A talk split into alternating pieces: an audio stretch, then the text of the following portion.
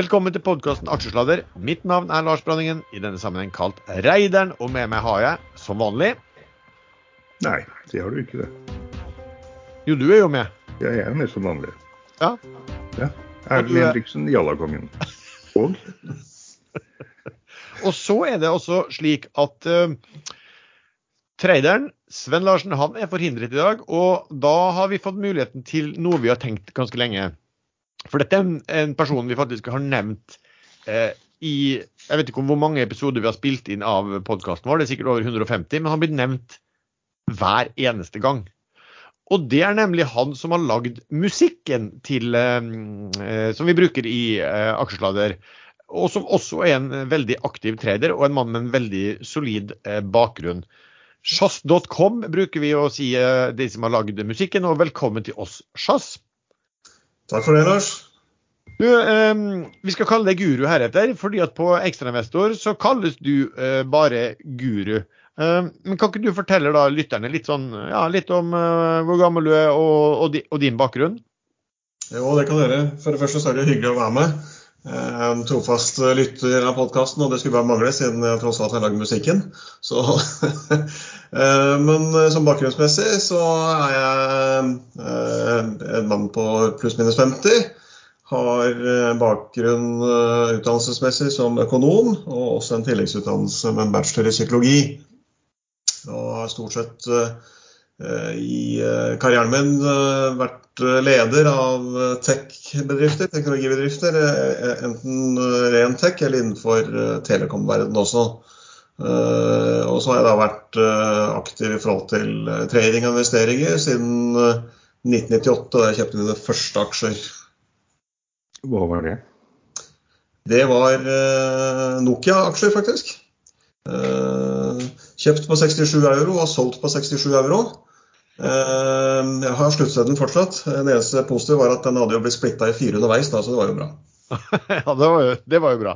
Um, og så vet jeg også at du har hatt en del ganske tunge styreverv også. Ja, jeg har hatt styreverv i noen store norske foretak, og også noen mindre. Eh, og syns det er morsomt å kunne se verden fra et styreperspektiv og prøve å bidra der også. Men, det, eh, men når du er her, da, um, så det som er interessant, er jo liksom, hva hvordan opererer du i markedet? Hvilken strategi har du? Hva, hva, hva gjør du? Eh, Du Sitter du long, sitter du kort? Hva, ja, hva gjør du rett og slett? Ja, nei, altså sånn, Ideelt så er jo treningsstrategien å sitte eh, i, i, i um, aksjer som har moment, og sitte noen dager. Det er vel egentlig det tidsperspektivet jeg har sånn utgangspunktet. Um, og da er det trading både på Oslo Børs, uh, i Sverige, noen ganger i Danmark, og også en del i USA. Så, så jeg er ganske aktiv i forhold til å følge med på de forskjellige, forskjellige børsene rundt om der. Gjør veldig lite i Tyskland eller UK eller Finland og andre, andre europeiske markeder, og ingenting i asiatiske. Men det, er, men det er de skandinaviske pluss USA som er interessant å trade. Og da er det type swing-trading da, innenfor eh, ja, i, ja, alt opp til en uke, kanskje, i aksjer som har moment eh, i en eller annen retning. Ja. Men når du sier moment, hva tenker du på? Altså, jeg skjønner jo at det, det er i en eller annen retning at, at, at kursen går, men hvordan bruker du på, på å måle og vurdere moment? Er det, er det teknisk analyse du forholder deg til? Hva? Nei, altså vi bruker noen TA-parametere, men jeg skal ikke si at jeg er noen TA-geek. Jeg er veldig sånn uh, enkel når det gjelder TA. Uh, ser gjerne på det som er i sentiment i markedet. Uh, det kan gjerne være, gjerne være rundt uh, tallrapportering, det kan gjerne være uh, fenomener som har fått uh, og er i ferd med å få attention, AI f.eks. Uh, Sven, uh, som ikke er her i dag, var jo veldig tidlig ute med å se at AI holdt på å, holdt på å bli et fenomen som aksjemarkedet kom til å være opptatt av. Så prøv å spotte den type trender og finne ut hvilke aksjer da, som kan ha, som kan ha trøkk oppover i, i, i sånne sentiment og sånne, i, i, i sånne trender. Sven traff jo planken perfekt på sentimentet, men han bommet på investeringen. Det vil si han kjøpte riktige aksjer og solgte ut igjen. Og så stakk alt uh, samtidig. Det, akkurat det der er veldig vanskelig å finne når et nytt marked tar av. og når det stopper opp. Men hvor mye, gjør, hvor mye gjør du sånn altså Trader du veldig mange, har du veldig mange eh, posisjoner du, du er både inn og ut av i løpet av en uke, eller? Ja, det blir ganske mange i løpet av en uke. Altså. Eh, og det er eh, litt sånn kombinasjon da, av noen du sitter på over noen dager, og så er det noen som du er eh, inn og ut av samme dag også.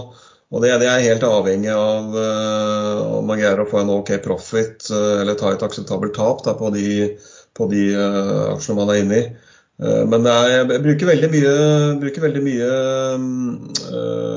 å se på det som er vinnere, og, og kjøpe, de på, kjøpe, de på, dips, spesielt på intradagstrening. da. Sånn tidlig, si, tidlig i tredjekarrieren var veldig opptatt av å finne tapere og satse på rekyler, men det er en strategi som over tid har vist seg å ikke generere god avkastning. Så har jeg heller fokusert på det å finne vinnere, kjøpe de på dips, og så prøve å sitte så lenge det lar seg gjøre, da, og så lenge den har trøkk oppover. Så Jeg bruker ofte range da, som en sånn, som en sånn parameter. Det er jo, I TA så er det noe som heter average to range. Det er en ganske sånn, sånn teknisk parameter da, som måler uh, en aksjes topp versus uh, siste close og den type ting. Men jeg har etablert noen sånne helt enkle regler da, for hvilken range en aksje kan ha i løpet av en dag. Så, så For å ta et eksempel, da, hvis du tar Equinor-aksjen, uh, så er det typisk en range på kanskje 5-7 kroner opp eller ned. Og Hvis du da kan bruke den rangen til å time inngang og utgang, så kan det gi, gi grei avkastning. Hvis du tenker intradagstrening, da. Men eh, aller helst, og intradagstrening er ganske vanskelig og veldig krevende. Eh, det funker det også, men eh, hvis du først treffer ting, så er det greit å sitte en, i, fall i mitt tilfelle en to, tre, fire, fem dager på dem. Mm. Men når du kjører intradagstrening i f.eks. Equinor som beveger seg 5-6 kroner, høres så mye ut, men når kursen ligger på godt over 300, så, så er det ikke mange prosenter. Girer du voldsomt i sånne investeringer? Nei, girer veldig sjelden, men pleier å kjøpe et OK volum for å liksom få en eh, grei profit på det.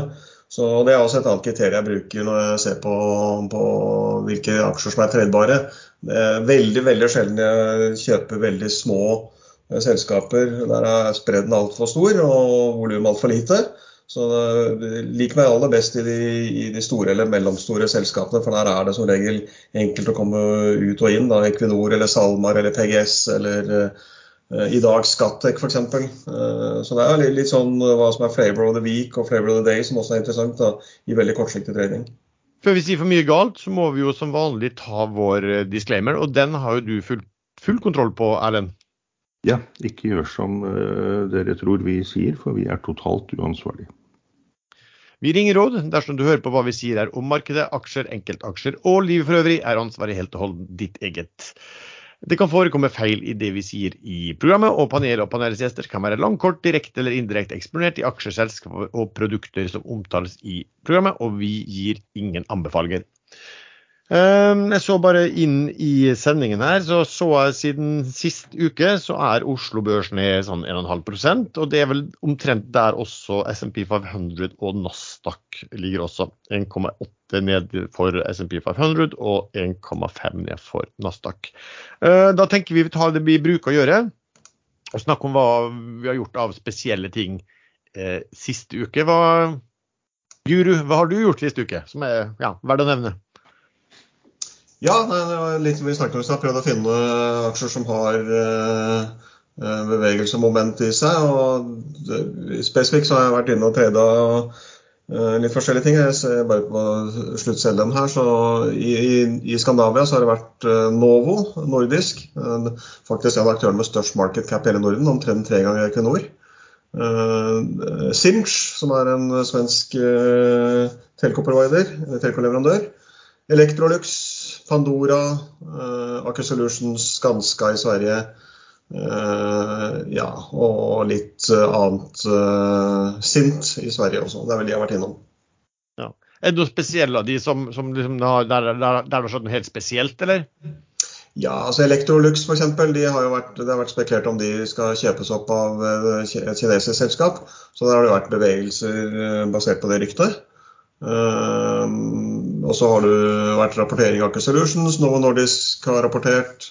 Og Sinch har jo hatt noen sånne voldsomme uh, voldsomme range og trading, sånn typisk 2-3 kroner per dag. Og den aksjen ligger på 22-23-24 kroner, så der er det store uh, volum også, og mulig å gjøre penger hvis man treffer riktig.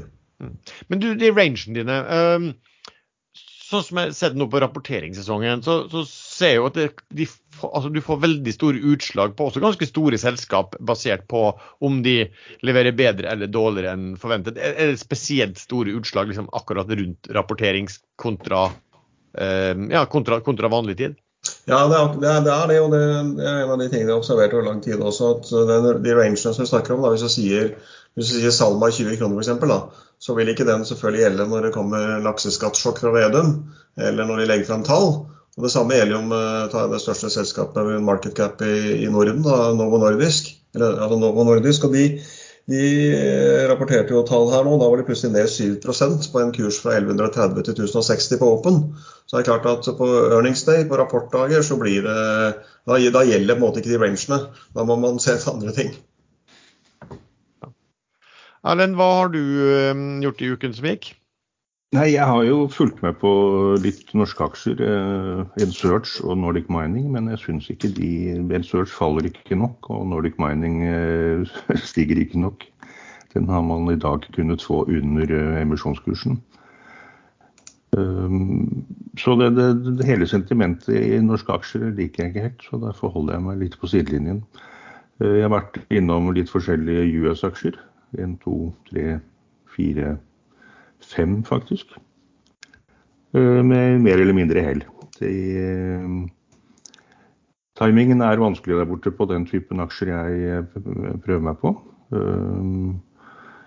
Her har Guru og, eller, jo, Guru og jeg litt forskjellige erfaringer i en aksje. Topp Financial, som er et uh, Kina-selskap som driver med et eller annet. Uh, du tok vel en god del eh, og ble med litt opp, og så stakk den 1000 Ja, Det er hyggelig at du skulle nevne akkurat det. ja, nei, vi, vi, vi, har for vane å rippe opp i sånne hyggelige episoder. kunne alltid, kunne alltid vært hyggelig å Jeg kan alltid stole på at du, du kommer med hyggelige kommentarer. Jeg, det. Ja, jeg kan ta det spesifikt, for det er en litt morsom historie. Det er jo, det er jo veldig sjelden jeg treder Jalla-selskaper i USA, men det hender. Uh, og Tidligere i uka så var det denne Top Financial som uh, Erlend snakker om. Da, så, det var kanskje slutten av forrige uke til og med. Så trada den på rundt ti dollar. fikk ikke de aksjene jeg skal ha på 10 dollar, og da plutselig så sto den i 11-12-13. Og så sank den litt ned igjen, og så prøvde den å stikke litt lenger opp. Så jeg tok Eh, ja, hva blir det da? Ca. en million eh, kroner på den på rundt 1370 eh, US dollar. Og var jo happy når jeg kunne selge de på 14, for det var en grei dagsprofitt å ta med seg. Dagen etterpå så toppa de på 253 dollar. 256, bare sånn for å strø litt mer salt i såret. Ja, så det var en typisk eksempel på hvordan man ikke klarer å følge de sialabevegelsene i US-aksjer. Men det skal sies, da. I ni av ti caser så ville den ha halvert seg dagen etterpå. Så det var en god vurdering på det tidspunktet å, å selge. Men eh, i etterpåklokskapens lys så, jo, så, kan man jo gjøre alt mye bedre. Jo, jo. Men du tjente penger på det? På topp så tjente jeg faktisk penger, ja. Ja, for der er den andre siden av historien. Eh, den gikk jo da eh, langt over 1000% og så falt den ned igjen til, til under 100 dollar. Så da tok jeg litt på 84 i forrige års kveld. Eh, og så stakk den opp igjen. Stakk den eh, godt over 100. Og der eh, dro den ikke videre, så jeg satt og vurderte å selge, og så ble jeg litt opptatt. Og så ser jeg plutselig at den hadde ramla noe voldsomt. Og da kom jeg meg ikke ut på det første. Jeg telte antall circuit breaks, som det heter, nedover. Tre ned, da pleier den ofte å snu, men det gjorde den ikke. Den bare fortsatte og fortsatte. Så ble, den ble litt stygg. men jeg er litt sånn i læringsfasen i USA, så jeg har veldig små beløp inne i de casene. Snakk om 40 000 kroner. Eh, den falt eh, over 70 i går. Og fortsatte ned 45% til i etterhandelen, før den plutselig dobla seg i etterhandelen. Så det er, eh, det er, disse enorme bevegelsene, og det er veldig mye teknisk til å gå på. Nå ligger den på Skal vi se. Da ligger den på sånn ca. sluttkurs uh, i går i prehandel i USA. Så det jeg regner med at den vil gjøre i dag, det er at den dobler seg i prehandelen, og så kan alt skje etter det. Sannsynligvis. Riktig jalla, altså? Ja, det er, det er veldig de, de, måtte faktisk børsmelde, de valgte å børsmelde at, uh, at markedet ikke måtte tro på rykter. De måtte forholde seg til det selskapet selv meldte. Og det var jo relativt fair, da. For de hadde ikke meldt noe. Det var ingen nyheter, ingenting. Bare, bare snakk. Og det ser man innimellom i norske aksjer òg. De stikker noe voldsomt helt uten noe påviselig grunn. Um, ja, for min del i uken så ser jeg at uh, jeg kjøpte vel da rett før helgen etter innspilling, så jeg hadde jo solgt meg en del ut av Eller jeg solgt en del ned da i denne Seabird, for det kom jo en, en del sånn pompekommentarer rundt den, og den steg veldig kraftig før påske. Uh, der kjøpte jeg tilbake en del av det. Uh, men det var litt for tidlig. Jeg kjøpte det på 3,90, og nå har jo falt siden det også, etter å ha falt en del. og så Hafnia har jo vært, alltid vært en sånn som jeg eide mye av, som har gått veldig bra, og solgte meg ut for en liten periode siden. Nå gikk jeg inn og kjøpte en del av dem på, var det på tirsdagen. Eh, og regna med at ok, dette blir sikkert bra. Eh, og den gikk en del opp også. Var på, den var på 58,1 ser jeg kjøpte på. Så gikk den en del opp, og så kom disse Scorpio med tall i USA som eh, Eh, altså, Markedet virker ikke å ta så godt imot, og dro med seg Hafnia også. Så da, den klarte jeg å hive ut av og gjorde 15 øre på det. Men det var egentlig veldig bra at jeg hev ut, for den er jo falt noe ned fra 58-tallet og var vel i stad på, på 52 eller noe sånt. Så den har falt en, en, en god del. Eh, Acetec snakker jo Sven om sist gang. Han mente han hadde kjøpt noen tegningsretter litt tidlig og derfor kanskje måtte tegne. Jeg kjøpte de tegningsrettene. Det var ikke så store beløp. Eh, på eh, i uken også. Eh, kjøpte vel de på Hva var det jeg kjøpte på? Det var ikke Altså det, det, det, i hvert fall Jeg gjorde 130% på den på noen timer. Um, og Det er jo sånn som kan skje i tegningsretter. Når, når den underliggende aksjen stiger en del, så går også tegningsrettene. Jeg hadde vel egentlig tenkt å sitte med de, jeg ser at jeg kjøpte, altså de kjøpte disse på rundt 25, mellom 25 og 30 øre og solgte dem på 60 øre. Eh, teoretisk verdi da var jo enda høyere, den er jo egentlig én krone. Så jeg hadde vel egentlig tenkt å sitte på de rettene og tegne, men det, det, det av og til så blir det jo litt moro å ta litt eh, gevinst, selv om det ikke er sånn veldig store beløp. Eh, det jeg fortrinnsvis har gjort i uken, er å kjøpe mer enn dobla min eh, Eh, posisjon i Horizont Energy, for der kom det en ganske stor dump eh, i forgårs. Um, så da plukka jeg opp eh, den. Vi har jo snakket om den før. at Jeg mener at ja, det er verdt bettet når det er så stort rabatt på, på cash.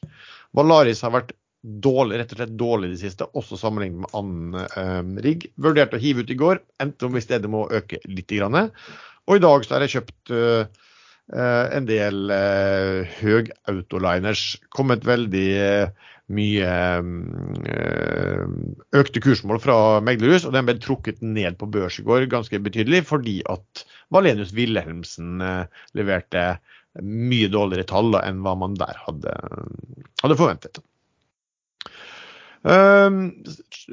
Guru, gjør du noen ting på emisjon? Bruker du å være med på emisjoner? Det hender, men det er, eh, det er, ikke så veldig ofte. Eh, jeg har tegna meg noen emisjoner opp gjennom årene.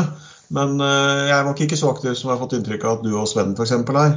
Så, men jeg har jo kontakt med noen av disse meglerne som uh, ringer eller tekster når det er emisjoner på gang. Så det hender jeg tar den siste jeg tok i, var vel uh, det Sidil-nedsalget som var nå på 410 kroner, hvis jeg ikke husker feil, for noen uker siden. Så var den siste jeg var inne i uh, av nedsalg slash emisjon. For det som har vært i uken her, jeg vet ikke om jeg, Det er jo Sven som bruker kontroll på det, men Instabank gjorde henta 70 millioner i går på 1,57. Det var vel da 8% rabatt til siste omsatte. Jeg ser på Ekstramester det skrives at man fikk god tildeling der, og kursen har vel falt ned til eh, ja, den er på 1,58 nå, da, så du kan kjøpe i markedet på, på tilnærmet samme kurs.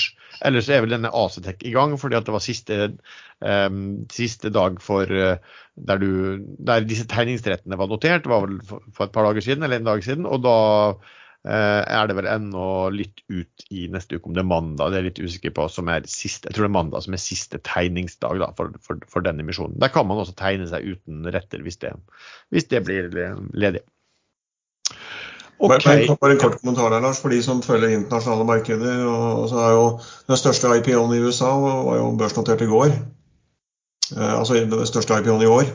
Eh, og det var et, eh, et en spin-off fra, spin fra Johnson Johnson innenfor medisinsektoren. Eller Pharmaceuticals. Så det var et selskapet Ken Wu som de har spunnet ut, som debuterte på, på Nasdaq i går. Hva, hva, er noe sånt, Har du noe anelse hva noe sånt, sånt er verdsatt på, på, børsen? Ja, Det så jeg på i går, men jeg husker ikke tallene i hodet akkurat nå. Nei. Hvordan gikk det første dagen på noteringen? Eh, de gikk IPO på 22, og den tredje vel på 26 til slutt, hvis jeg husker riktig. Ja, ja en sterk, eh, sterk debut, det. Uh, Sidril-nedsalget du nevnte, det var ganske godt timet av de som solgte den blokken. Nå ligger kursen på 370. De solgte på 400 et eller annet. Ja, 4,25 var det vel på én, ja, og så var det en litt, litt, lavere også. Så det har vært to sånne blokker med nedsalg der. Det var vel nesten eh, høyeste kursen den har vært på etter at den ble restrukturert? Ja, den, den stoppa der når jeg tror det var DNB som var første ut som solgte ganske mye. For der var det jo en del eh, långivere, som sånn, såkalte ufrivillige eiere, som, som fikk en del. Uh, makromessig, jeg regner med at du, du som er pålest, eh, Guru, du har vel fått med deg hva som har skjedd liksom, på, på, rentesiden rundt omkring i uh, uken som har gått? ja, uh, makro er jo et eget tema i seg sjøl, og der er det veldig mange som har blitt veldig store eksperter i det siste. Det er jo selv om jeg sånn snart at moren min på 80 mener noe om kronekursen. nei, det har jo vært rentehevinger fra fra Fed og ECB og Norges Bank som ventet. da. Og så er det jo interessant hvordan man ser at markedet priser inn fremtidige, fremtidige rentebane også. Så det er vel det som er mest interessant. Disse rentehevingene var jo oppløst og vedtatt allerede. Ja, hva tenker du hvordan markedet, markedet eh, priser altså sannsynligheten for framtidig rente kontra hva Fed selv sier? Nei, Det er et uh, vanskelig tema, men du kan jo se på hvordan uh, rentemarkedet priser. og der er vel, Jeg så en eller annen uh, statement om at man prisa inn, prisa inn at Fed ikke vil gjøre som, de, som, som, det er antatt at de skal gjøre, at de topper ut nå, men at det, at det fortsatt kommer flere rentehevinger. Så, og det, det, Fed har jo selv sagt at de skal være dataorienterte og se på hvordan økonomiske data kommer inn. så jeg tror det er veldig vanskelig å, å si noe mer om det. Men markedet er nok skeptisk i forhold til om Fed eh, ligger etter kurven. da. Ja. Men hva tenker du om de, de makrotallene du ser nå? Altså, vi har jo snakket del her om, liksom, og andre også om, liksom, om det blir resesjon, og det er jo spesielt USA og kanskje Europa man ser etter. Hva, hva tenker du om liksom, det, det, som kommer inn av tall? Det er jo en sånn god blanding av uh, både good news og bad news, om du vil. Da. Det er jo en del selskaper som uh, viser til bedre earnings og bedre resultater, men samtidig så er det andre som sliter voldsomt. Så her tror jeg nok det er eh, både sektorspesifikt og, og, og ulike typer geografier som spiller inn. da. Men eh, så jeg syns bildet er ganske blanda, egentlig. Det er ikke noen sånn entydig retning. Og den resesjonen som det snakkes om, den har jo vært uh, snakket om i månedsvis og årevis. Og den, hvis ikke den er priset inn nå, så skjønner jeg ikke helt hvordan effisiente markedet fungerer. det er et godt poeng. Um, Men man ser jo litt på oljeprisen at markedet kanskje, eller at resesjonen stikker litt dypere enn enn mange tror eller mener. Eh, den ligger nå på 73 dollar etter at Saudi-Arabia eller OPEC har kuttet voldsomt både i høst og nå nylig. Eh, den burde jo vært på langt over 100 hvis, hvis underliggende data hadde vært gode. Etterspørselen etter olje, forbruket hadde vært høyt. Det er det tydeligvis ikke. Ja, men, men burde hvorfor, hvorfor, altså 100 er veldig høyt. 70 er jo et bra nivå for en oljepris, vil jeg si fortsatt. Ja, i utgangspunktet, men uh, sentimentet, i hvert fall hvis man leser litt rundt på hva folk mener, så er vi alle, de fleste er overrasket over at den ligger så lavt. Ja, ja det, er, det, er, jo riktig. For det, men det er jo, altså, Meglerhusene, i hvert fall i norske, har jo vært veldig optimistiske på på oljepris og, altså, og selvfølgelig Kina-åpning, som skulle gi eh, veldig en etterspørselsøkning kombinert med begrensa tilbudssituasjon da, med Russland og alt det der. Men Denne Russland gangen har ikke Kina pushet på med statlige programmer, infrastrukturprogrammer osv. Nå lar de, de, de satt sin lit til at det folk hadde spart opp under koronanedstengningene, som varte veldig lenge i Kina, at de skulle pumpe de pengene ut i markedet, men det gjør de tydeligvis ikke. Nei. Men, men altså, når du snakker om oljeprisfallet, så har du vel at Russland produserer vel mer enn hva man hadde ventet. Og så forsto jeg også at det var et eller annet om at også Venezuela kom på banen. Og så er man litt urolig da for at asiatisk etterspørsel kanskje ikke blir så bra som man eh, hadde trodd, da. Men Venezuela er vel foreløpig 100 eller 200 000 fat, så det er, liksom, det er ikke de helt store tallene derifra. Eh, Nei. Jeg, ble jo litt idioterklært eh, av mange da jeg i desember inngikk et veddemål med en eh, oljeekspert på ekstrainvestor som jobber for Equinor, hvor jeg sa at i løpet av 2023 så skal oljen under 70 dollar. Det veddet vi en flaske Magnum om, og nå ligger den veldig nær. Det er ikke det er 5% fall herifra, så er det 4% så er den der. Ja, det begynner å nærme seg. Jeg, også, jeg har også et veddemål, og det går på at eh, USA skal klare å kjøpe tilbake igjen, i hvert fall begynne å kjøpe tilbake igjen til oljelageret sitt på Det var under 90 dollar, det, faktisk. Så, så den ser veldig bra ut. Altså, så nå vil jeg egentlig bare at Biden skal få satt en avtale på noe tilbakekjøp der.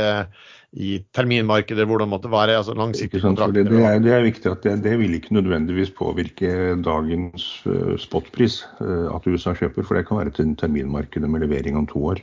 Jo, men eh, det, det, det, poenget er vel bare at akkurat nå så, så holder de jo på å mm, De selger jo fortsatt fra lageret sitt. Og det er klart at hvis de gjør det, så vil de jo slutte å selge. da. Så det kan jo påvirke eh, bra, da. Men eh, hva, tenker du liksom om makrotallene, du har, Erlend, som har vært eh, skeptisk? Er du Nei, jeg er like skeptisk ennå. Jeg syns det ser ganske mørkt ut de fleste steder. Krigen har ikke sluttet ennå. Den, Sånn det ser ut nå, hvis Putin ikke skulle bli styrtet, og det er ikke sikkert det hjelper, så vil den vare ganske lenge. Ukraina klarer neppe å vinne denne krigen i år. Og så er det jo Kina, hvis eh, de begynner å slite med økonomien. eh, Der har de fremdeles bankkrise. Denne har pågått over, et år, hvor folk ikke får pengene sine ut av banken. Og det er ganske mange tusen det er snakk om. Og ganske mye penger. Så de prøver å dusse det ned, og de har eh, stengt eh, Vibo, heter det vel, Twitter-kontoer osv. til de som eh, har klaget over dette her. Men eh, den underliggende misnøyen er der. Med god grunn. Eh, Og det ble ikke bedre da USA i løpet av eh, noen få timer klarte å garantere for innskuddene til Sivbank eh, da de ble overtatt. Og like etterpå så var det to-tre banker til, og nå var det én til forrige uke. I løpet av helgen, var det vel. Så kineserne får jo med seg dette her, selv om det, myndighetene gjør så godt de kan for å sensurere det. Og det, det, øker misnøyen. Så i Kina har de fremdeles problemer med bankene, og de har problemer med eiendomsmarkedet. Ja. Sånn Men det er jo litt sånn ja. Men eh, eh, eh, det er jo litt som man, man kanskje kan Her er det kanskje litt lett å konkludere etter hva man har for sånn gru- grunnsyn. Jeg vil jo si at tallene makromessig er mixed. Det er helt, helt åpenbart. At, at tjenestesektorene virker å være ganske sterke rundt omkring, mens hva, skal vi si, mer varesektorene er mer svake. da. Um, jeg ser også på frakt, liksom, fraktvolumer i USA og sånn liksom virker ganske svake. Men så av og til så ser du veldig dårlige tegn, og så får du liksom større makrotall, liksom bredere makrotall, og så ser du jo egentlig ikke noe tegn, noen spesielle tegn der til at, til at det kanskje ikke altså Nesten worst case det har du liksom en sånn mild resesjon. Men uh, det kan jo snu, fort, snu seg fort. Det er som Guru sa, at uh, han kan ikke skjønne at ikke øh, resesjon eller øh, dårlig utvikling allerede er prisstigende i aksjemarkedet, og det, det kan godt være. Men alle known knowns er prisstigende, og alle known unknowns er prisstigende, men det er fremdeles mulighet til at det kan komme noen unknown unknowns. Ja kinesiske En kinesisk invasjon av Taiwan det er for så vidt en known unknown, men følgeproblemer av noe sånt, det kan være unknown unknowns. Ja, så er det jo spørsmål på hvor sterk en resesjon blir. Altså, vi, vi i Oslo vil jo være veldig altså Oljeprisfall. Eh, sant? Hvis du får en sterk resesjon, så vil du ikke ha oljeprisen på, på, på 70-tallet. Da har du den fort på både på 50- og 40-tallet. Det er Eh. Man ser jo litt sånn dårlig tegn med utviklingen i rigg, som du er så glad i, Valaris osv. Og, så og, og supply-sektoren. Og til og med seismikk. Det, det, har jo ikke gått så bra og snudd så kraftig opp som folk trodde. Det har vel delvis snudd kraftig ned igjen. Ja, nå har det jo gått, det det jo gått kan du si at sektoren har gått veldig mye, da, men det er helt riktig altså at oljeprisfallet, mer usikkerhet der, har jo dratt ned eh, de, den sektoren der ganske kraftig eh, i løpet av eh, kort tid. Men når, når, du tenker på, når du trader mye momentum, eh, Guru, hva, Gir du litt blaffen i makro og, og liksom oljepris og de store tingene da, eller, eller hensyn tar du det også når du liksom vurderer hva du gjør? Nei, altså som jeg sa, makro det er på en måte en, altså, Jeg, jeg syns det er interessant å følge ut fra et sånt analytisk perspektiv og prøve å forstå hvordan det her kan uh, utvikle seg. Jeg er tross alt økonomutdanna, uh, så det er greit å prøve å, liksom følge med på det.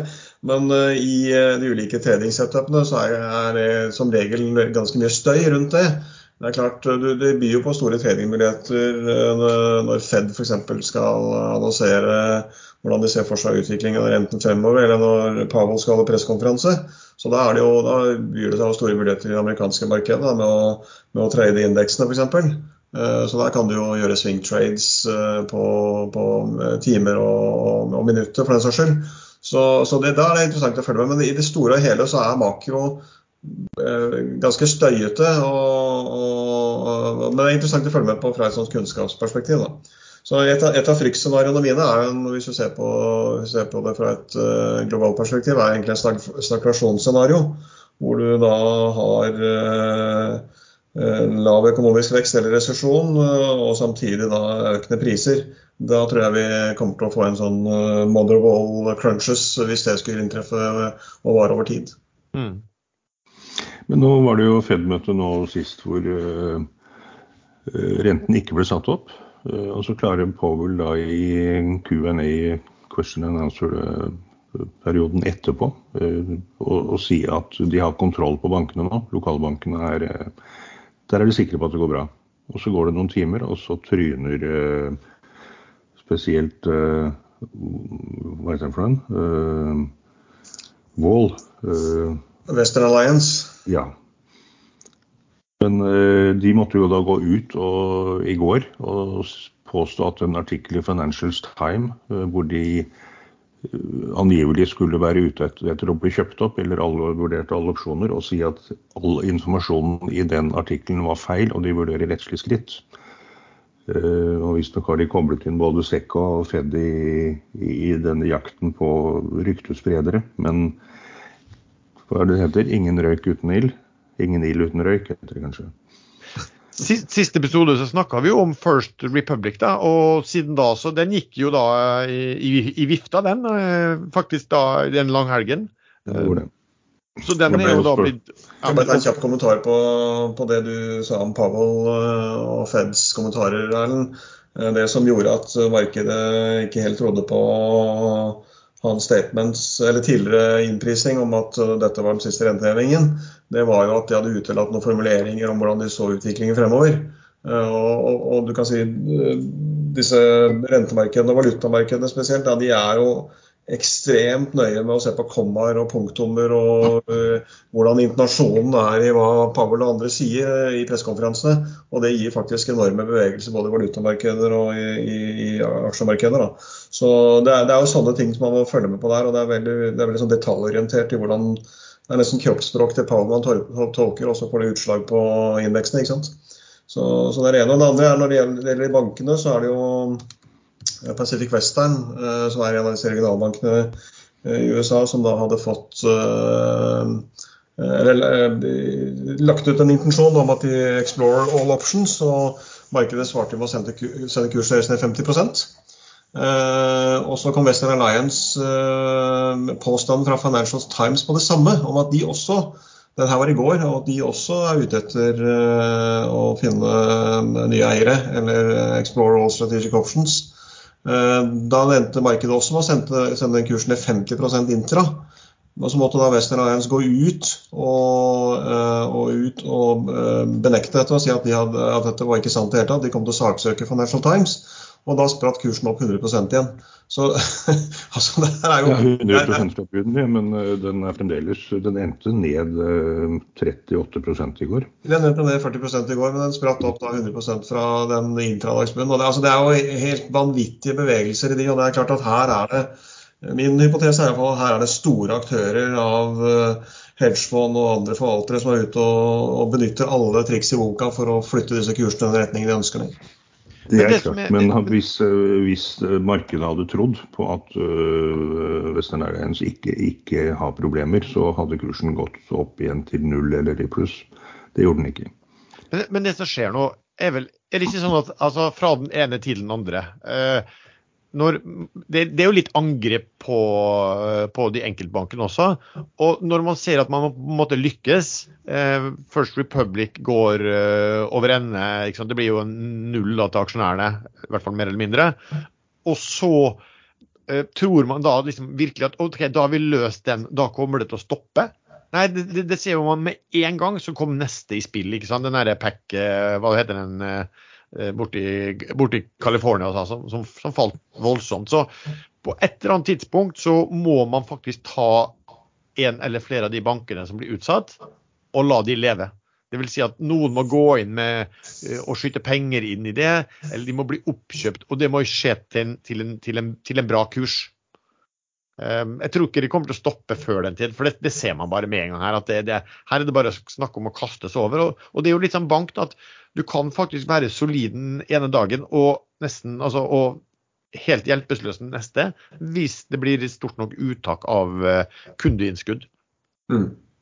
Så det er jo liksom litt av problemet her. da. Når jeg så, jeg så litt forresten litt på den First Republic, da, så kan du si at den så jo, den så jo litt bedre ut. Men, men, så kom det også melding om at de eh, eh disse lånene deres, låneporteføljen, at den var verdt jeg husker ikke var ja, ganske mye, i hvert fall mindre enn den var pålydende. Og det var fordi at de hadde gitt lån, fastrentelån til det. Um, og så hadde jo da, eh, når da renten stiger, eh, så, så, så er jo de lånene verdt mindre.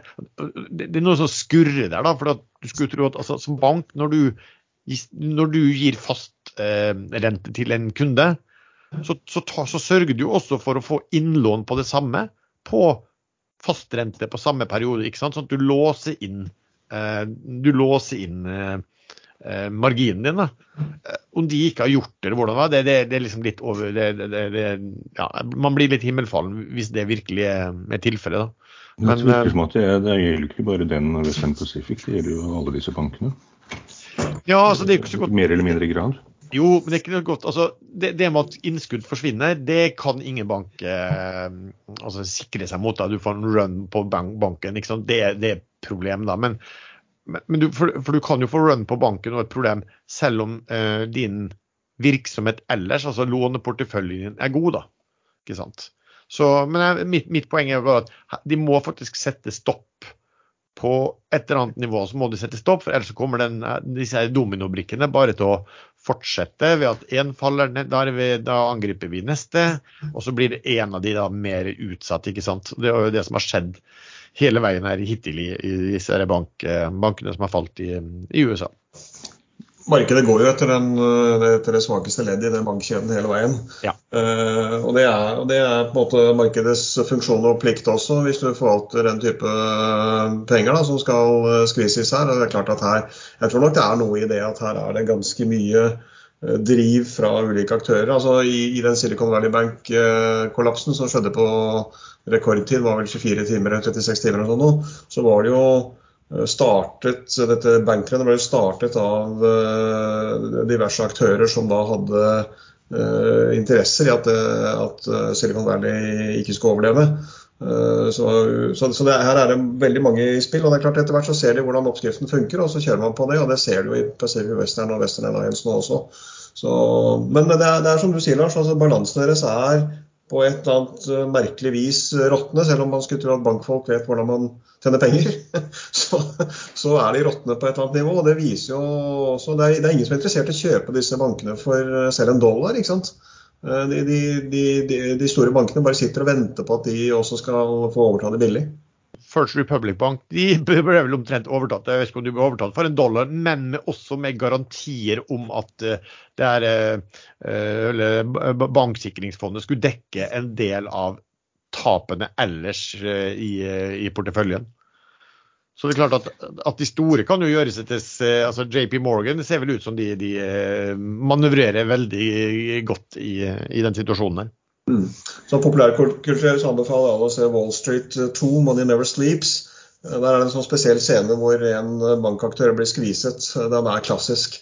Eh, da ser, du, da ser du at de byr to til tre dollar, og så sitter han som eier aksjene der, eller mesteparten aksjene og sier at ja, men bygningen er verdt 19.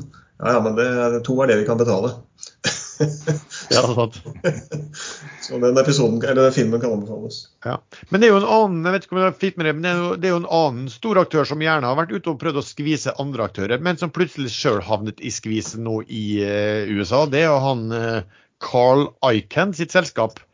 Um, har du fulgt med på det, Guru? Jeg har bare lest headlines, og så så jeg den aksjen tøydet ganske kraftig ned. Det var vel uh, disse shortselgerne Hindenburg Research som da har vært ute med en uh, rapport om at iCamp på en eller annen måte uh, er overpriset. Jeg, jeg, vet, jeg, har ikke lest detaljene rundt det, men jeg så at uh, den aksjen falt vel sånn 30% to dager på rad.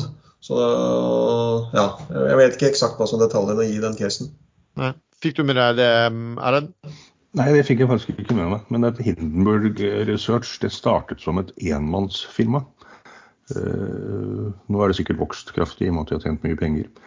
Men det er, det er, litt merkelig at de får lov å holde på. De går tungt inn i å sjekke regnskap og finner eh, både ekte og halvekte og til dels eh, totalt feil informasjon, så går det ut med stor rapport. Eh, og Da har de selv shortet aksjen i forkant. Og så dekker de inn på det voldsomme fallet, og så fortsetter de en to-tre ganger. Det er helt lovlig og helt greit hvis all informasjonen er korrekt, men når de baker inn ting som selv jeg som kan det vil si jeg kan en del om noen selskap, og når jeg går inn og ser på rapporten, så ser jeg at det er åpenbare feil. Da er det rart at ikke de blir eh, tatt, at ikke de blir stengt ned. Han, men han Carl Eichen han er jo en ordentlig råtass i det amerikanske markedet. Eh, de gikk vel inn, Det vel de så var vel at det som heter Icon Enterprises, som jeg forstår er litt sånn investeringsselskap, at de var ekstremt overpriset i forhold til alle andre. og Kanskje litt også fordi at han Carl Icon eh, dominerer det så selv, at, at, det blir kanskje litt små volumer. Men den har jo falt. da, De gikk vel ut med dette her eh, Da var kursen på den 50 dollar nå tidlig i uken, og den har falt da fra 50 til 30 dollar. Så den har fått seg en, eh, fått seg en skikkelig smell, den altså, i løpet, av, eh, i løpet av uken som gikk. Det er jo ellers litt morsomt, da, fordi at eh, Carl Eichen, også han hva het han andre store forvalteren, han som var i, i, i krangel med han Carl Eichen i, i, flere år om den, der derre Herbalife? Bill Eckman? Bill Eckman, ja. Bill Eckman og Carl Eichen de var i veldig krangel om Eh, Herbalife, der han eh, Bill Eckman han shorta jo den, og Carl Icahn var på eiersiden i den. og Til slutt så måtte jo han eh, Bill Eckman gi seg der. Han nådde ikke fram med shortingen. Kursen gikk heller, ble heller pressa opp, så han tapte vel en del på det. Så jeg så det kom noen kommentarer da fra retweets fra han Bill Eckman også, når, når disse Hindenburg fastslo at det, Carl Icahn sitt børsnoterte selskap var, var, var, vilt overpriset. Det var litt sånn litt rimelig takk for sist, da. Jeg syns uh, faktisk at noen av dere burde kommentert at jøss, du har god hukommelse, Erlend, og vi trodde du var gammel og grei, men uh, det gjorde dere ikke. Nei. Jeg husket navnet Nå har jeg glemt navnet hans igjen. På, ja, det var bra du husket navnet en liten periode, Erlend. Jeg Google is my friend. Det heter. um, du, også en annen ting da, som um, som jeg vet ikke om dere fikk med dere, det var litt sånn spesiell. Eh, dette Salmon Evolution, som gikk og hentet 500 millioner kroner nå for ja, et, et, par uker siden. Det var noen som fikk med den meldingen de da kom med nå i den langhelgen som var? Var det ikke snakk om at de hadde en eh, økt dødelighet på biomassen sin, hvis jeg så, så det riktig? Ja, det stemmer. Den kom, den kom lørdag kveld eller sånn, en uke etter at emisjonen var satt, eller? Ja, jeg tror det. Altså, jeg så på Hegnar så påstår de at det var tre dager etterpå, så hadde de rapportert det. Men det ble jo plassert 19. april, da. Den, Ja. den emisjonen. Og så kom de da 29., altså ti dager senere, da, halvannen uke, så kom de med en update på operational status som sa at det var økt dødelighet. Da, jo, altså, øh, og, og, og det var liksom Det var jo ikke at vi har oppdaget i dag, det var den, altså ti dager senere. Per i dag så er det slik. Eh, er det noen av dere som eh, ble litt mistenksom da? Burde man være det? Ja, det var jo en litt opplagt tilfelle av at det her er ting de må ha visst om eh, mens de arbeidet med emisjonen. Kan ikke tenke meg noe annet. Det er ikke ting du oppdager på lørdag ettermiddag og mellom det på lørdag kveld. Nei, den virker jo litt, det, det virker jo litt, uh, litt merkelig. Det, det var jo en sterk emisjon som ble satt der. Den ble bare satt med ja, en uh, 6-7 rabatt. og Det var en ganske stor emisjon. Den ble vel satt på, om jeg husker riktig, på 7,70. Uh, men nå har jo det her kommet. Da, da har jo kursen falt ned vel nå på 6,90 ser jeg i dag. Da. Så det er vel kanskje ikke noen som, er, som har tegna seg der som har vært veldig fornøyd. Men det, men det kan jo selvfølgelig være på det tidspunktet at at de hadde noen små issues, men som kanskje ikke hadde blitt eh, store ennå. Da skulle de ha nevnt det, at de hadde små issues. Jeg syns det er merkelig at ikke eh, Finanstilsynet følger mye mer på sånne ting og går inn og slår hardt ned på det når det, når det skjer. Ja, jeg er veldig overrasket hvis ikke det kommer en eh, henvendelse til Salmon Evolution og spør hva var status når dere hentet 500 millioner kroner i markedet. Ja, dette er jo hvis de visste det, så er det økonomisk grov kriminalitet. Og da må noen gå inn og sikre dokumenter og kommunikasjon internt og se hva, hva de visste. Og hvis ikke de visste, så blir de jo frikjent for det. Men noen må sjekke sånn. Vi kan ikke bare la det skure og gå med alt det som skjer i bakgrunnen, ofte negativt. Jeg så en av de tilretteleggerne kommenterte på det 2. mai her, og de skriver 'kjedelig timing'. Prikk, prikk, prikk. Og så skriver de at selskapet har begynt å merke økt dødelighet forrige uke. Så de valgte nå å sende en børsmelding. Så det er klart at det her har jo ligget uh, noen data på bordet. Uh, Iallfall i krysningspunktet fra når de har gjort emisjonen til, uh, til de har besett disse økte dødelighetstallene. Ja. Nå er ikke jeg ekspert på landoppdrett, men er det ikke sånn at når balansen i vannet disse fiskene lever i, vipper over, så, så, så, dør de ikke litt og litt. De dør ganske momentant, ganske mange samtidig. Oh, men Salmon Evolution er vel litt sånn hybrid, ikke det? Som, som, som får inn også sjøvann fra, fra havet inn. Så... Altså, de skulle sjekke filtrene sine, da, se om det var noe bakterier eller et eller annet alger eller hva som helst som kom inn og måtte ja, altså forbedre filtrene sine. Det er jo ikke noe overraskende at sånn skjer da, på, på den type løsninger med, med landbasert. For der er det nok en, fortsatt en god læringskurve eh, for, for, for, veldig mange aktører. og en, Det er sikkert ikke første gang det skjer for dem eller for andre selskap at, at de får et eller annet problem. Høy dødelighet kan du også ha eh, på vanlige oppdrett, bare, bare så det er sagt. Men det er hele det der med at det det skjedde at, at, emisjonen ble gjort og den var så stor, og, og, det kom da så kort tid etterpå, som var litt eh, spesielt. Det.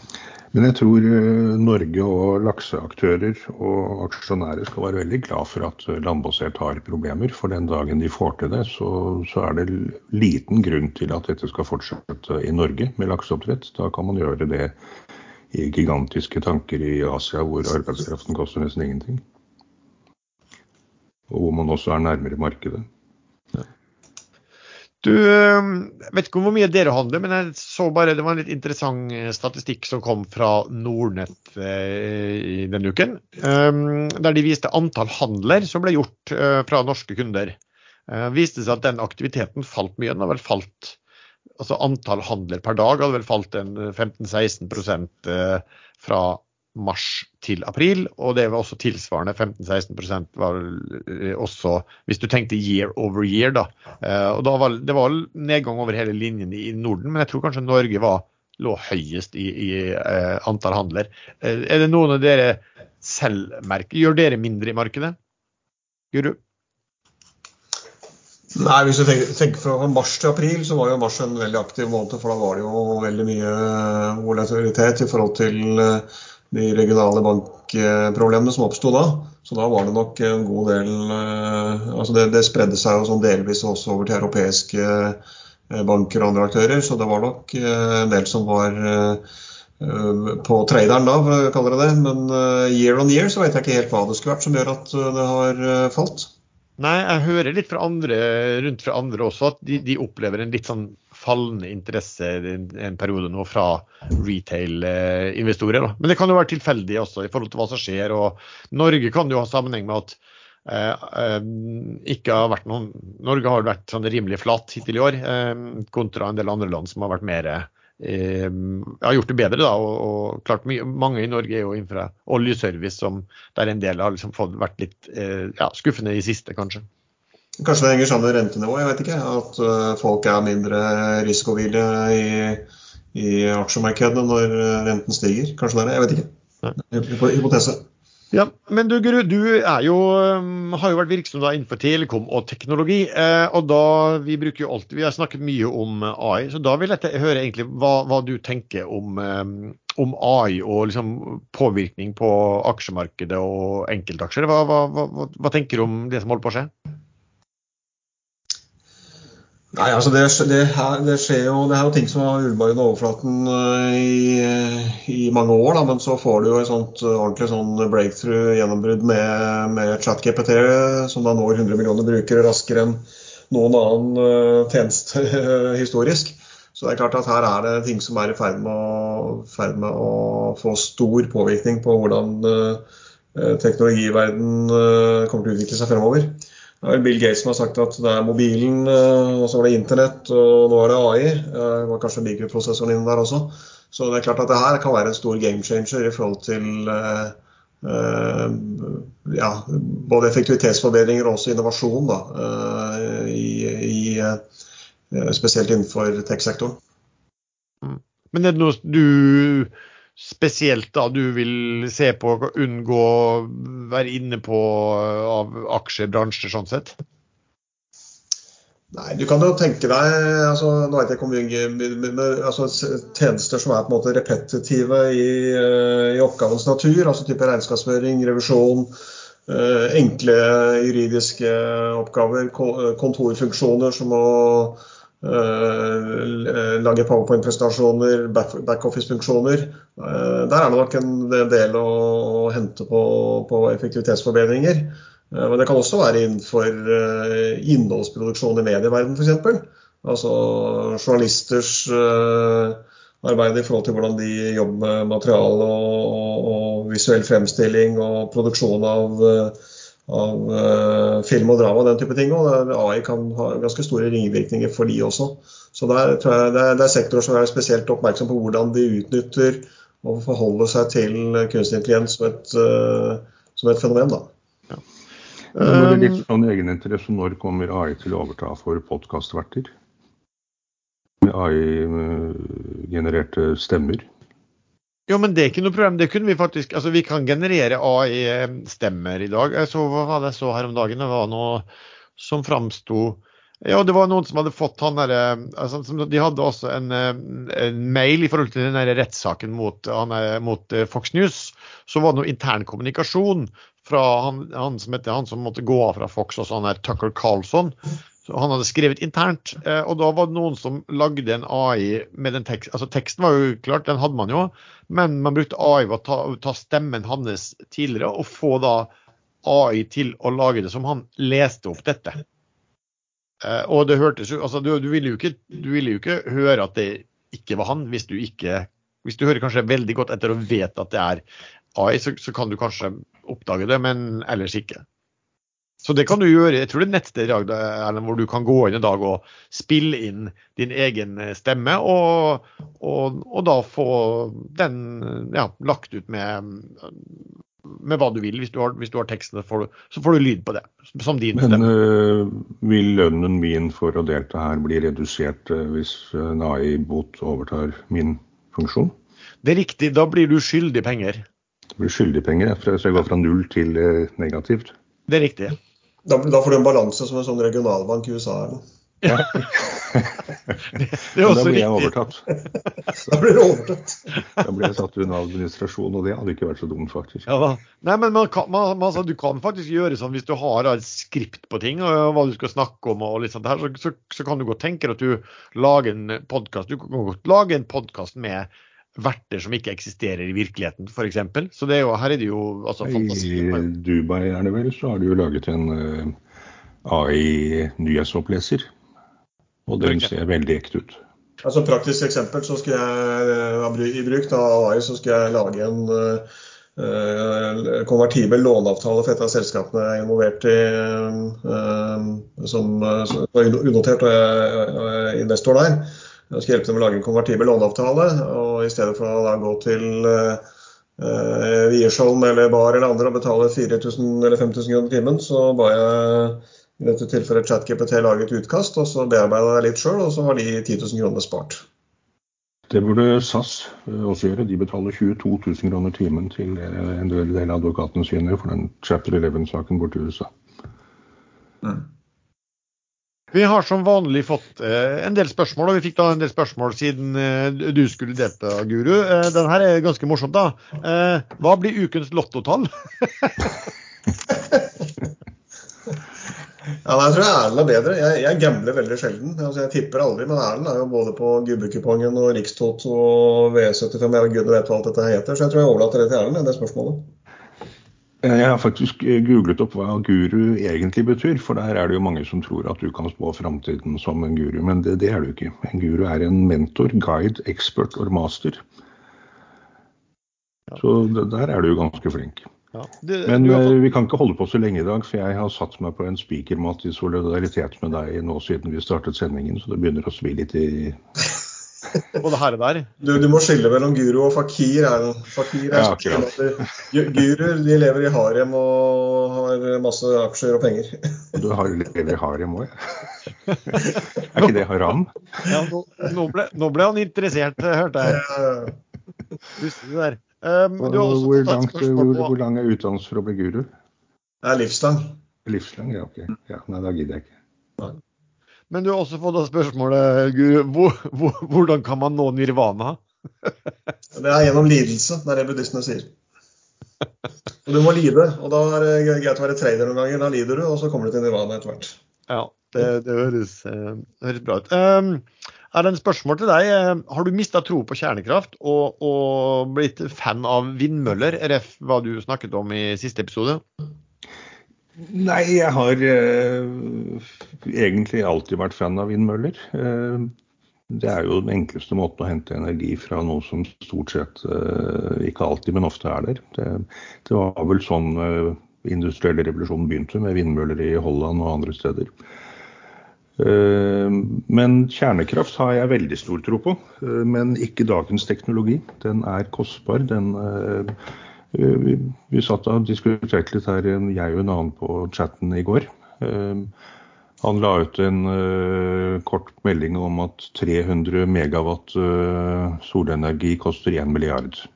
Og litt sånn latterliggjøring at det er 1 milliard dollar, og at det var veldig dyrt. Men så googlet jeg hva, hva koster kjernekraft for 1 milliard en gigawatt, som er da tre ganger så mye. Litt mer enn tre ganger så mye.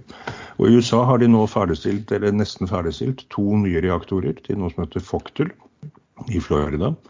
Og der kom regningen på sannsynligvis rundt 35 milliarder dollar for 1,2 gigawatt. Og det er veldig mye mer enn 1 milliard dollar for 300 megawatt.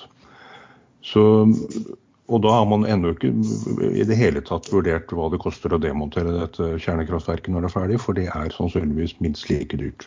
Eh, det har all erfaring vist. og så er det mellomlagringen, eller sluttlagringen av eh, det radioaktive materialet, som jeg ser at hun hun norske kjernefysikeren mener at det er en bagatell, men det er jo ikke en bagatell når alle land, når det ennå ikke i noe land er laget et ordentlig øh, sluttlager. De holder på i Finland, og de jobber med det i Sverige visstnok.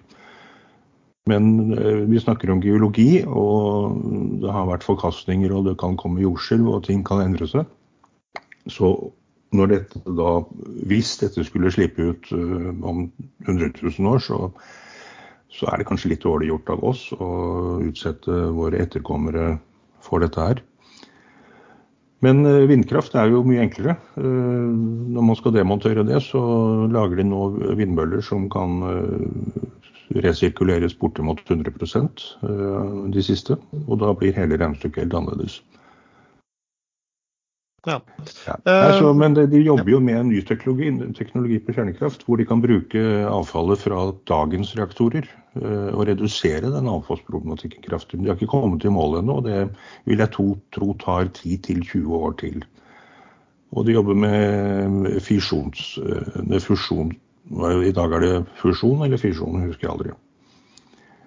De jobber i hvert fall med det motsatte av uh, De skal gjenta prosessen i solen. Og da er det vel uh, fisjon de jobber med. Og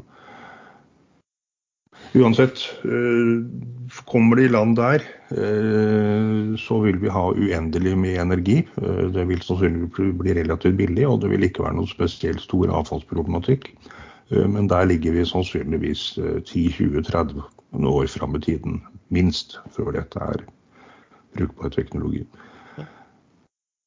Spørsmål fra en lytter vedrørende eh, selskap som har falt eh, kraftig på børsen siste året, Aker Horizon. Eh, hva tenker man om pris ved børsintroduksjon? Vedkommende skriver litt sånn retorisk at hvordan forklarer man det av meglerhusene når det er nesten bare luft i det selskapet? Hva, har du noe anelse om det, Guru? Nei, jeg har registrert at Aker Horizons har falt hva de var på. Det var vel på topp på 50-tallet et eller annet sted, og nå er de nede på hva er det de står i dag, da? 740? 743. Uh, så jeg har ikke noen sterke formeninger om det. Jeg kjenner ikke det selskapet veldig godt. Husker jeg tredje det når det var hot, når det kom inn uh, på børs. Uh, tjente noen penger på det, men uh, i ettertid så har jeg egentlig knapt nok sett på den aksjen før han ble begynt å komme litt i søkelyset nå igjen. Da. Men nå, han har jo falt noe voldsomt, så da må man se om det på en måte bare vil falle enda mer voldsomt, eller om, uh, om det er noe substans som man kan begynne å kjøpe på fundamentale årsaker. Da. Ja. Jeg bruker jo å kjøpe, liker å kjøpe en del og trade i en del, i en del investeringsselskap når rabatten blir stor. Problemet der er jo at dette, det, det de kjøpte som heter mainstream, Eh, utgjør så mye del av eh, verdien at, at når den ikke er børsnotert, altså du har, noe, du har, ikke noe, verdi på den, og ingen tror på hva Aker selv mener den er verdt. Um, så, så, blir det jo litt vanskelig å si hva liksom, som er underliggende verdier. da. Så kan man jo si da, at, det har vi jo snakket om før, at, at eh, fra Aker-systemet så kom det ut en del selskap, altså Aker Offshore Wind og, den, og ikke minst den der Aker Hydrogen, eh, jeg husker ikke hva den det, eh, som, som, så ut, altså denne Hydrogen det så vel ut som man hadde slengt opp en, en uh, liten avdeling, vippa inn en, folk, en, del folk på et kontor og prisa den på mange mange milliarder ved hjelp av meglerhusene. og Aksjekursen den, den kollapsa jo med en gang og måtte til slutt tas inn. Her. Aker, Aker Offshore Wind gikk vel tigangeren før den kollapset, gjorde den ikke det? Jo, den gikk veldig, veldig kraftig før den kollapsa, det er helt riktig. Og, Der er jeg sinna på dere fundamentalanalytikere ennå, for den rørte jeg aldri. Uh, fordi dere regnet ut med en gang at dette var jo latterlig overpriset. Og så gikk den digangeren.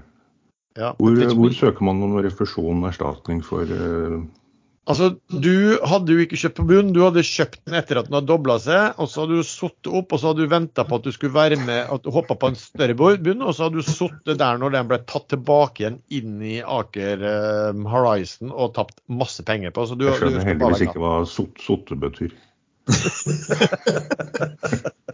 Nei, men Jeg er litt enig i det du sier, Lars. Når det gjelder fundamentalt her, det er veldig vanskelig å forstå hva som er priset inn i det. og Det, det er derfor jeg har bare stilt meg undrende til Eh, den og en del av de andre Aker-noteringene.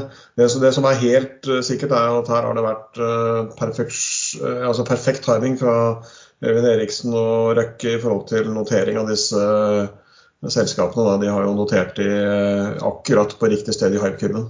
Ja, men, men også, også, litt sånn altså, skal, man, skal, man, Først skal man kritisere for dem. altså Hvis meglerhusene kommer og sier at nå er det kjempeinteresse for denne type selskap, og sånn, og hvis dere, hvis, hvis dere spinner ut det der og, og, legger ut som eget selskap, så skal vi sikkert få prisa det veldig høyt. Altså, Så lenge det de presenterer for markedet er eh, korrekt informasjon, og hvis du leste en del av disse eh, prospektene og sånn, så, så framkom det jo at de hadde jo ikke mye utenom eh, at de hadde planer eller håp.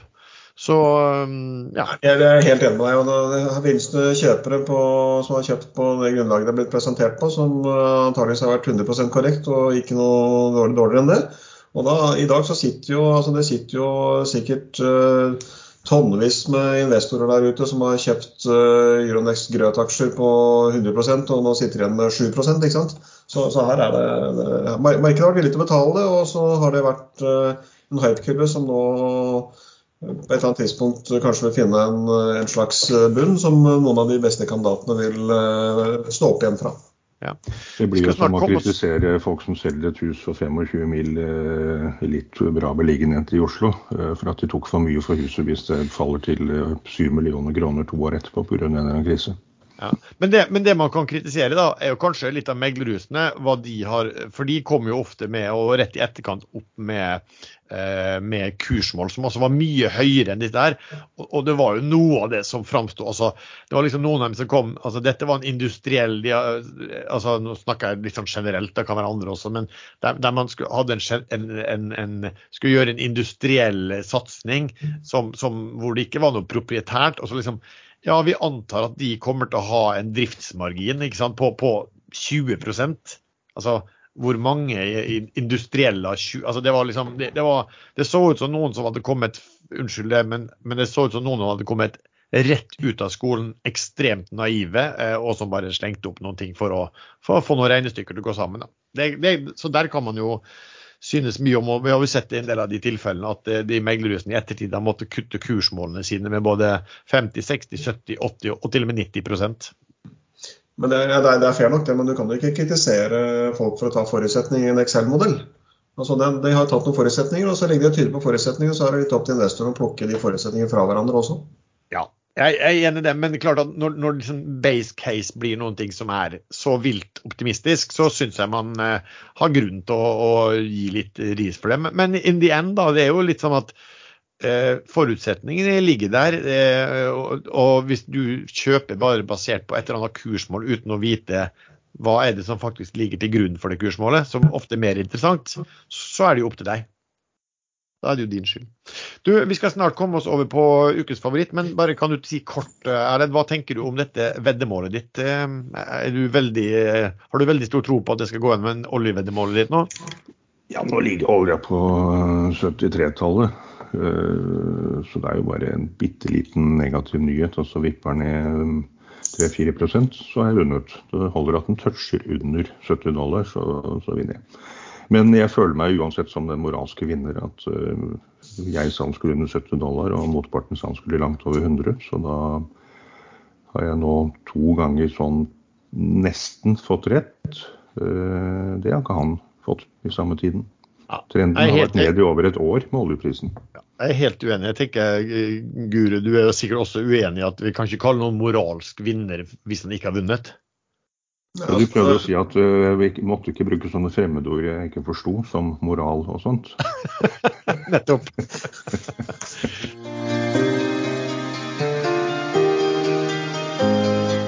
Aksjesladder sponses av IG.com.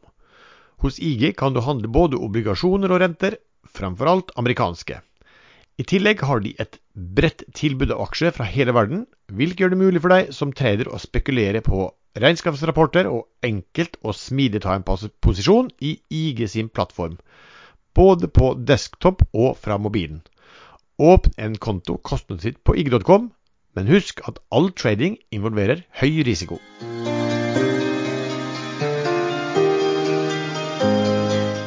Skal vi avslutte det vi bruker med det, om vi har noe spesielt ukens favoritt for uken som kommer, eller noe spesielt man har tenkt til å se på også? Uh, Guru? Ja, jeg notert meg noen uh, navn på blokka. Det her, det her, vil jo variere litt i forhold til hva som beveger seg i markedet. Men jeg har sett, hvis du ser på Oslo Børs, så er det f.eks. Pexip.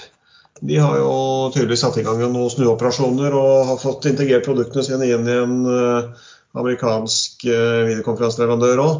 Den aksjen har jo kommet seg en del opp fra bunnen, hvor det var på 8 til 10 og ligger nå rundt 18-19-20 kroner. Eh, hvis de greier å levere på den turnarounden sin og får, eh, får eh, vekst og EBTA på tracken, så kan det være en grei oppside, den. Så det er en jeg har på watch.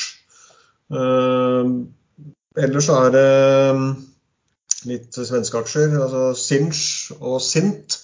Ganske like navn, men to helt forskjellige selskaper. De kan være interessante å følge med på, både i forhold til bevegelse, men også fordi at de har vært uh, grusa. Og der ligger det ganske solide kursmål uh, på dobbelt nivå av dagens, uh, dagens kurser. Og, og det, det, kan være mange triggere rundt i forhold til store short-andeler og fond som er ferdigsolgt osv. Så, videre. så Sinch og Sint vil jeg fortsette å følge med på. Og så er det også i Sverige så er det oppkjøpskandidatene da Electrolux og Huskvarna faktisk også, som Bosch har vært interessert i. Så de to kan være caser å følge med på for Uh, nyheter, og De nyhetene kan komme gjennom en tradingdag også. Trenger ikke å vente til eh, matching halt eller open og close for å få de nyhetene. De kan komme i løpet av dagen også. Så Det er vel de ser mest på. I USA så er det jo fortsatt fokus på de selskapene som kommer ut med resultater. Da pleier det å være store bevegelser. Og så Hvis man greier da å trade disse bevegelsene i regionale banker, så kan det være penger å tjene eller penger å tape der. Så det er egentlig de jeg har på watch. Ja. Erlend? Ja, det må jo da selvfølgelig bli Ørsted, som er opp 5 i dag, 630. Så nå ligger den da vi uh, tok den inn som julekule i desember. Det er ganske interessant det er den første at den ligger der i dag, for Danmark er faktisk stengt i dag. Ja, da må det Det står uh, DNB oppgir opp 5% men uh, og til og med handel. 696 000 aksjer handlet. Ja, jeg tror du må snakke med DNBs beste menn for å få riktig kurs på den. Nei, det, ja, det, det, ligger ingen på kjøp, da. Det ligger litt på salg. Så noen, noen i DNB følger ikke med, det er nok helt riktig. Men da var den opp 5 i går, da. 5,45 Uh, ja. Nei, Nordic Mining kommer til å gå som en kule plutselig. Uh, hvis ikke hele markedet krakker, da kommer den til å ramle like hardt som de fleste andre aksjer. Og det gjør at jeg holder meg litt unna det norske markedet ennå. Ens klarer å fremdeles holder seg altfor godt over emisjonskursen. Den var på 0,10, og nå er den på 0,14. Har vært nede på 0,1352, men det er jo 35% over emisjonskursen. Så de driver og styrer litt fram og tilbake med å bytte ut folk i styret og ledelsen og bytte ut IR uh, osv. Så, videre. så noe har de på gang, men om de er eh, til dagens aksjonærer i Norges beste, eller om det eventuelt blir eh, lempet ut eh, alt som er av verdier i et datterselskap i USA, som andre får gleden av, det, det tror jeg er et stort åpent spørsmål ennå. Ellers så følger jeg selvfølgelig med på disse USA-aksjene mine, og bruker veldig små beløp for å lære litt mer. Jeg brukte lang tid på å lære det norske markedet. og skjønte etter hvert at jeg trenger mer tid på å lære det amerikanske markedet. Mm. Ok, um, Sist gang så snakket jeg både jeg og Sven om uh, Pasient-Sky. Vi hadde vel den uh, som en sånn uh, ukens favoritt, for den gikk jo ekstra 2,50 kroner og 50 øre per aksje. Og det har jo vært bra. så Den var vel da prisa til 35-40 øre um, x det utbyttet.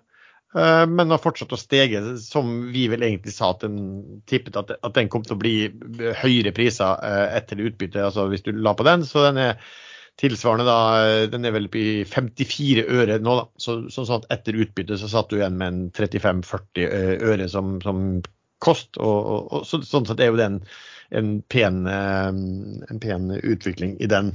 Der har det jo også kommet noe kjøp fra største aksjonær i det selskapet der også. Kan jeg nevne eh, selskap, et selskap som jeg snakket om også, Goodtech nevnte jeg jo, som jo kom med tall i dag, opp 4 i dag. Kom med veldig gode tall for første kvartal. Så det blir spennende å se om det faktisk er et tegn på at det er jo et selskap det har vært mye håp på gjennom mange år at de skulle komme, og at de er egentlig veldig godt posisjonert i de bransjene de har vært i, men de har jo aldri klart å levere resultat. De har bare drevet, ja, bytta penger, og det har ikke vært noe igjen for de aksjonærene. Men denne gangen var det veldig bra et tall. Så det, vil, det blir artig å se om de kan fortsette den uh, utviklingen. Um, og så, som sagt, jeg kjøpte Høg Autoliners i dag. De, de, ser veldig billige ut på tall. Um, så spørsmålet er bare om dette her er et det er stor flåtevekst som kommer inn for sånne car carriers. Så spørsmålet er eh, hvordan det vil slå ut da ifra, blir fra 2025 på, på inntjeningen. Um, Deep Value Driller har også falt sammen med annen rigg. Kanskje litt mer ufortjent, fordi at de eh, har jo de har jo en fastavtale de, på, på, på riggen sin på tre år. Så det er jo ikke noe sånn spesielt kortsiktig i det markedet der som skulle ha noe å si på det. Så det kom analyse i dag fra Eller de tok opp dekning i dag, Sparebank1 med kursmål 32, og de mente vel at, at reell Nav var på over 40 kroner på den aksjen der.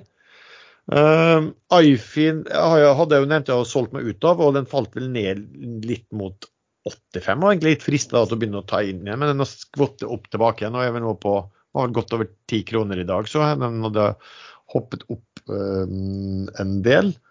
Uh, så er det jo en jeg har snakket mye om som har vært svak, er jo da denne standard drilling. Nå 30% fortsatt rabatt på underliggende verdier. Og siden disse underliggende to aksjene, altså Dolphin Drilling og Standard Supply, har falt. Eh, og så utgjør jo nå altså nest, ble jo nesten 55-60% av børskursen utgjøres nå av ren cash i Standard Drilling. Som jo matematisk innebærer at hvis du regner en, en rabatt rabatten på Dolphin Drilling og um, Standard Supply, så er det nesten 50 rabatt nå gjennom den aksjen. her. Men eh, det skjer lite i det selskapet der, og de gjør ingenting for å få ned rabatten. Så nå har jo da nå har jo Spetalen-rabatt er jo blitt langt, langt, langt over det som tidligere har vært eh, kalt Røkke-rabatten på det. Um, ellers så kan jeg nevne da Horizont Energy. Um, stiger pent i dag. Uh, det har vært forsøkt flere ganger nå og prøvd å plukke den blokken til Saga og QVT. Vi har ikke lykkes ved å gjøre det fordi at man ikke vil gi noe eh, rabatt på de, og de har vel heller ikke solgt det vi kan ha sett i hvert fall de siste dagene. Selv om den dagen jeg nå jeg kjøpte ganske mye, da, som var på onsdag. Eh, hvem som solgte da, det ser vi først eh, eh ja, det vil se vi først i, på, på mandag. Så det kan jo bli litt interessant. Jeg tror, tror fortsatt den kan være ja, eh, den, er, den, er, interessant i forhold til den store rabatten på, på, på nettcash. Og så kan jeg nevne til slutt bare en som jeg ikke skal gjøre noe med, men som vi har snakket mye om her. Det er jo Philly Shipyard, som i dag kommer tall. Elendige tall. Eh, det viser seg at de har store problemer, som vi har snakket om i eh, byggingen av disse fem, fem, de fem fartøyene, ny, ny type.